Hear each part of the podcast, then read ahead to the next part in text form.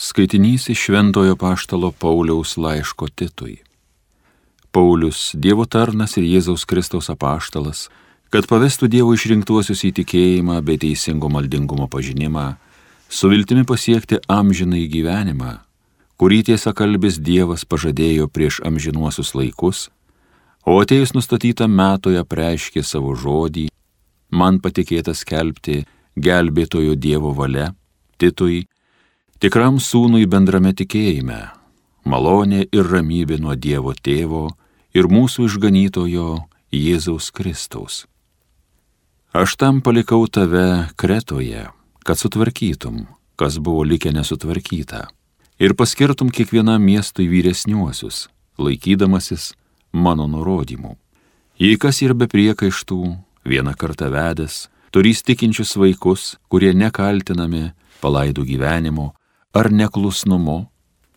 Juk vyskupas kaip Dievo reikalų prievaizdas turi būti nepeiktinas, nesavavaliautojas, nepikčiurna, negirtuoklis, nekevirčius, negopšuolis, bet svetingas trokštantis gero, santūrus, teisingas, šventas, susitvardas, tvirtai besilaikantis tikrojo mokymo, kad, dėstydamas sveiką mokslą, sugebėtų ir paraginti, ir atremti priešginas. Tai Dievo žodis.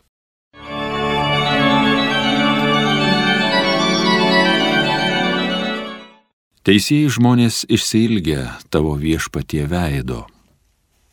Viešpatie žemė ir kas tik ant žemės, visas pasaulis ir kas jame gyva, juk tai jis jį virš jūrų pastatė, virš upių tvirtą sukūrė. Teisėjai žmonės išsilgia tavo viešpatie veido.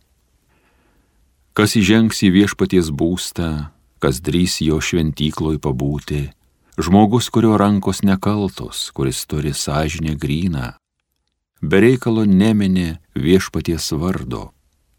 Teisėjai žmonės išsilgia tavo viešpatie veido. Viešpats šitokį laimins, gelbėtojas Dievas atlygins, šitokie žmonės tikri jo gerbėjai, jie išsilgia viešpaties veido. Teisėjai žmonės išsilgia tavo viešpatie veido. Alleluja, alleluja, alleluja. Spindėkite tarsi žvaigždės visatoje, tvirtai laikykitės gyvenimo žodžio. Alleluja.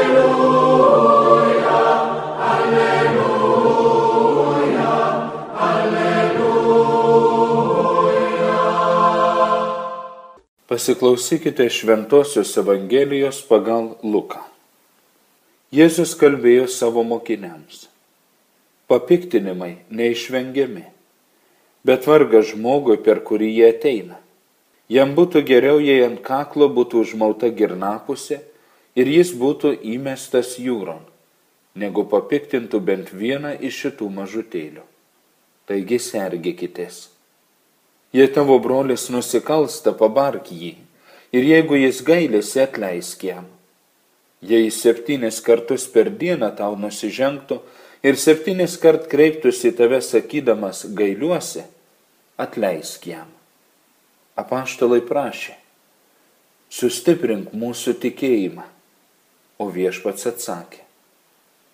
Jei turėtumėte tikėjimą kaip garstyčios grūdelį, ir įsakytumėte šitam šilkmedžiui, įsirauk ir pasisodink jūroje, tai jis paklausytų jūsų.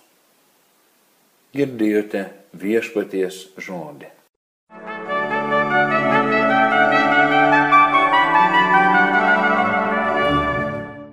Jėzus Dievo sūnus yra optimistas, bet kartu žmogumi tapęs Dievas yra ir realistas.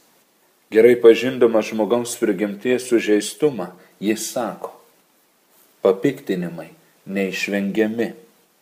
Papiktinimas yra kažkas, kas yra ir bus mūsų žemiškosios tikrovės dalis, kažkas, ko krikščioniui reikėtų vengti ir svarbiausia, kad nebūtų papiktinti mažutėliai. Kas yra papiktinimas? Ką reiškia šis žodis? Internetinėje svetainėje klauskunigo.lt radau tokį papiktinimo aiškinimą. Cituoju. Papiktinimas nėra kažkam pykčio sukėlimas, bet blogas pasakymas ar pavyzdys kito įvedimas į nuodėmę. Citatos pabaiga. Katalikų bažnyčios katekizme 2284 skirelėje randame tokį papiktinimo apibrėžimą. Papiktinimas yra laikysena arba elgesys, kuriuo kitas skatinamas daryti blogą. Kas papiktina, tas tampa savo artimo gundytoju, stato į pavojų jo dorybės ir teisumą, gali pastumėti savo artimą į dvasinę mirtį. Papiktinimas yra sunkus nusižengimas, jei veiksmu ar neveiklumu kitas žmogus sąmoningai skatinamas sunkiai nusikalsti. Dar daugiau. Sekančiame skirelėje yra šie žodžiai Papiktinimas juo didesnis, juo garbingesni žmonės papiktina arba juo silpnesni žmonės papiktinami.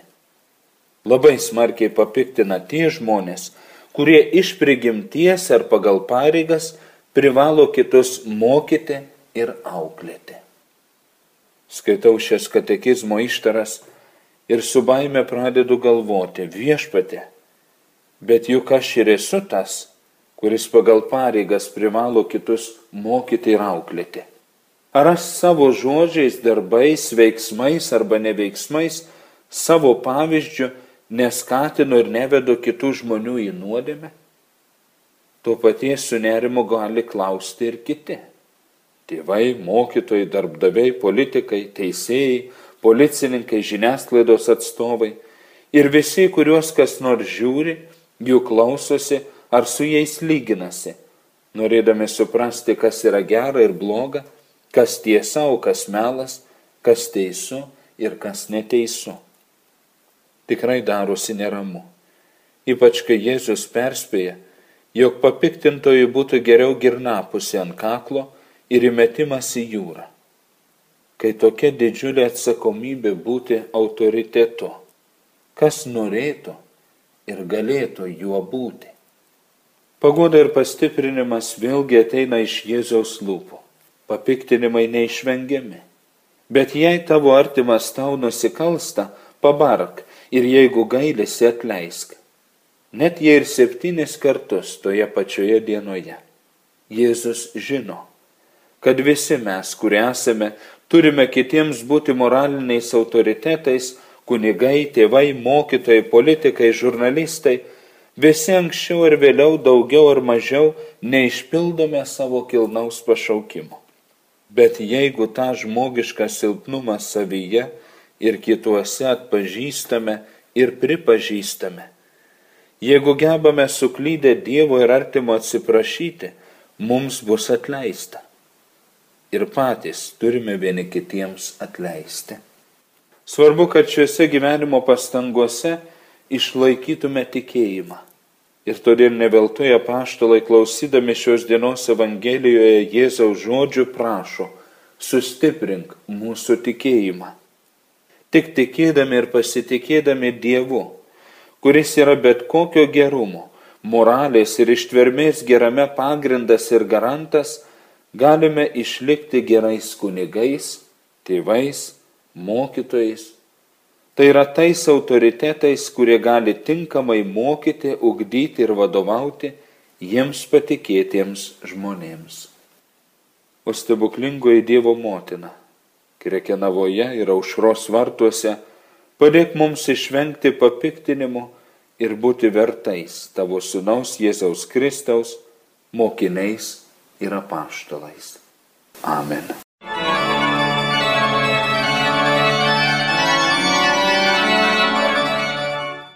Homilija sakė teologijos mokslų daktaras kunigas Gediminas Jankūnas.